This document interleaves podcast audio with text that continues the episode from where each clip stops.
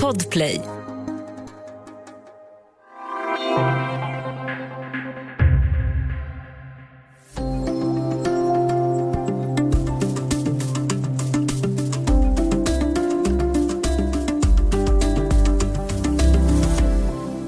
Rekordmånga vill bli barnmorskor idag men trots det fortsätter de svarta rubrikerna om personalbrist i förlossningsvården. Varför då? I dagens Studio DN om bristen på praktikplatser för blivande barnmorskor. Jag heter Palmira Kokari Menga. Och nu har jag med mig Jenny Kalin, vårdreporter här på Dagens Nyheter. Hej! Hej. Du har ju granskat situationen i förlossningsvården med fokus på barnmorskebristen och du har hittat ett slags moment 22, alltså en ond cirkel skulle man kunna kalla det. Hur ser den ut? Ja, problemet är att det är brist på barnmorskor, eh, framförallt i förlossningsvården. Eh, samtidigt så säger utbildningarna att de skulle kunna utbilda fler, eh, men eh, de hindras på grund av att eh, vården inte kan ta emot tillräckligt många studenter på praktik. Och Anledningen till det är ju att det är brist på barnmorskor och en tuff arbetssituation, därav det här eh, moment 22. Just det, precis. Och Vi ska gå in eh, på granskningen som du har gjort eh, mer i detalj alldeles strax. Eh, först bara, i din artikel så går det att läsa att i år är första gången alla Sveriges regioner larmar om att det är brist på barnmorskor i just förlossningsvården. Och Vi hör ofta om att det är brist på olika yrkesgrupper inom vård och omsorg. Varför är det brist på barnmorskor? Ja, eh, det regionerna, arbetsgivarna själva tar upp som eh, ja, orsaker, det är att för få utbildas, vilket de själva bidrar till när de inte tar emot tillräckligt många studenter på praktik. Eh, pensionsavgångar är en annan orsak, att det är jättemånga barnmorskor som har gått i pension och är på väg att gå i pension. Och sen att det är många som söker sig till andra arbetsgivare. Mm. Och Vad kan det vara för arbetsgivare till exempel? Ja, till exempel mödravården där du går eh, som gravid på regelbundna besök. Dit är det många som går från förlossningsvården för man tycker förlossningsvården är för stressig. Eh, mödravården, där har man också jättemycket att göra men det, det är inte stressigt på det sättet som dygnet runt-vården är i förlossningsvården. Mm. När det kommer till just praktiken eh, som, som vi har nämnt här och som har identifierats som en flaskhals där det tar stopp kring utbildandet vad visar eh, kartläggningen som du har gjort kring det? Ja, just nu finns det barnmorskeutbildningar på eh, 11 platser i landet och då är det nio av de här utbildningarna som säger att de inte ens kan utbilda så många som regeringen har gett dem i uppdrag att utbilda. Och alla säger att det skulle vi kunna göra bara vi fick ut fler studenter på praktik. Och varför är det så svårt för vården att ta emot barnmorskepraktikanter? Ja, men alltså det absolut mest enklaste svaret på det är att de har inte tid. De hinner inte. Det är, eh, ja, det är väldigt olika i olika delar av landet såklart, eller på olika kliniker. De stora förlossningsklinikerna har det stressigast. Men det är inte ovanligt att en barnmorska behöver ha hand om två födande kvinnor, till och med tre ibland. Och att då samtidigt ta ansvar för en eh, student kan ju bli övermäktigt. Det handlar liksom inte om att ha en student på släptåg, utan du ska, du ska vara pedagogisk, du ska kunna gå steget bakom och låta studenten få testa sina teoretiska kunskaper själv. Och sen en annan viktig grej är det vi pratar om, att erfarna barnmorskor eh, lämnar förlossningsvården, eh, går i pension och då finns det för få kvar som kan handleda. Just det, så det kan bli en situation där den som, blir, den som är mest erfaren och ska handleda själv är ganska ny i yrket? Eller? Ja, så det har jag hört exempel på, till exempel i, i eh, Uppsala på Akademiska sjukhuset. Där, där får ibland barnmorskor som kanske bara har ett år i yrket handleda studenter. Och Det här tycker ju både universitetet och eh, förlossningsvården är ett problem, men de ser liksom ingen annan lösning. Det skulle vara att de inte utbildar fler och då förvärras situationen. Mm. Vi ska ta en kort paus och sen prata vidare om hur de politiska partierna vill lösa barnmorskekrisen i Sverige.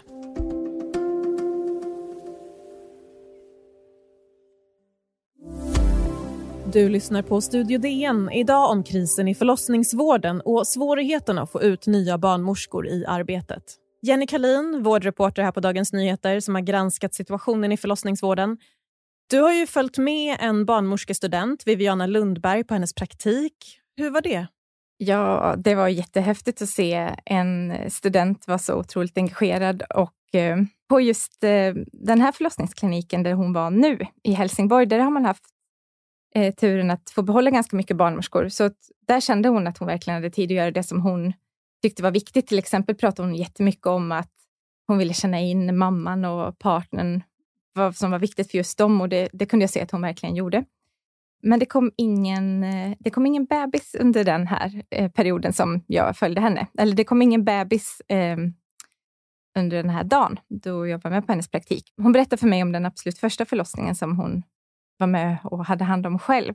Det är så att barnmorskor under utbildning, de ska vara med på 50 förlossningar för att kunna få examen. Och på den här absolut första förlossningen som Viviana var med och eh, hade hand om, då, då berättade hon att det var så otroligt coolt att få äntligen testa sina kunskaper. Bland annat så får ju barnmorskor lära sig att man ska hålla händerna eh, i ett tryck mot mellangården. Mellangården är ju ja, delen mellan vaginan och anus som utsätts för ett enormt tryck när bebisen är på väg ut. Och barnmorskor håller något som de kallar för perinealskydd. Man trycker med händerna. Och då beskrev Viviana hur hon gjorde det här. Hon har lärt sig och hon kände hur varmt fostervatten rann ner över hennes armar och så såg hon ett litet, litet ansikte komma ut mellan hennes händer. Och eh, jag kan förstå varför barnmorskor tycker att det är ett häftigt jobb. Viviana hon, eh, hon kallar det här för livets första födelsedagskalas och vill absolut jobba inom förlossningsvården. Men berättar samtidigt att väldigt många av hennes kursare eh, eh, redan nu säger att de absolut inte tänker göra det. Att de är avskräckta på grund av den tuffa arbetsmiljön på många ställen. Mm. Och, och, kort bara, hur ser barnmorskeutbildningen ut? Du berättade precis här att man ska ha varit med om 50 förlossningar under utbildningen. Kortfattat bara, hur, lo hur lång är den och, och vad, vad går den ut på? Visst är det så att man är sjuksköterska i grunden till exempel? Precis. Du ska vara sjuksköterska, ha jobbat ett tag och sen eh, läser du ett och ett halvt år. Och hälften ungefär av den tiden är eh, praktik ute i vården. Och du har intervjuat Sveriges utbildningsminister, socialdemokraten Anna Ekström, eh, om den här situationen med barnmorskekrisen i förlossningsvården. Vad säger hon om det här? Ja, hon säger att hon är väldigt oroad över den här situationen och att eh, det här med bristen på praktikplatser är ett problem för alla bristyrken. Och någonting man måste hitta lösningar på. Eh, och det regeringen gör i år är att man eh, satsar pengar. Man kallar det för en liten morot. Eh, pengar som eh, regionerna kan söka i slutet på året om man har lyckats få fram fler praktikplatser. Och eh, i slutet på juni så tillsätter man också en nationell samordnare som ska få som enda uppdrag att jobba med den här frågan. Och Du har också frågat de andra riksdagspartierna hur de vill lösa det här moment 22 i, i förlossningsvården. Hur låter de andra partiernas svar? Ja, men all, alla partier pratar om att arbetsmiljön måste bli bättre inom förlossningsvården. Men för att den ska kunna bli det så krävs det ju att man kommer ur den här onda cirkeln. Och jag tycker att eh, Acko Ankarberg eh, Johansson som är eh, från Kristdemokraterna, ordförande i socialutskottet, hon sa en ganska intressant sak, att man kanske initialt måste eh, ta emot fler helt enkelt på praktik, vilket kommer göra arbetsmiljön ännu lite tuffare. Men det kanske är det som är nödvändigt för att man ska komma ur den här onda cirkeln. Mm.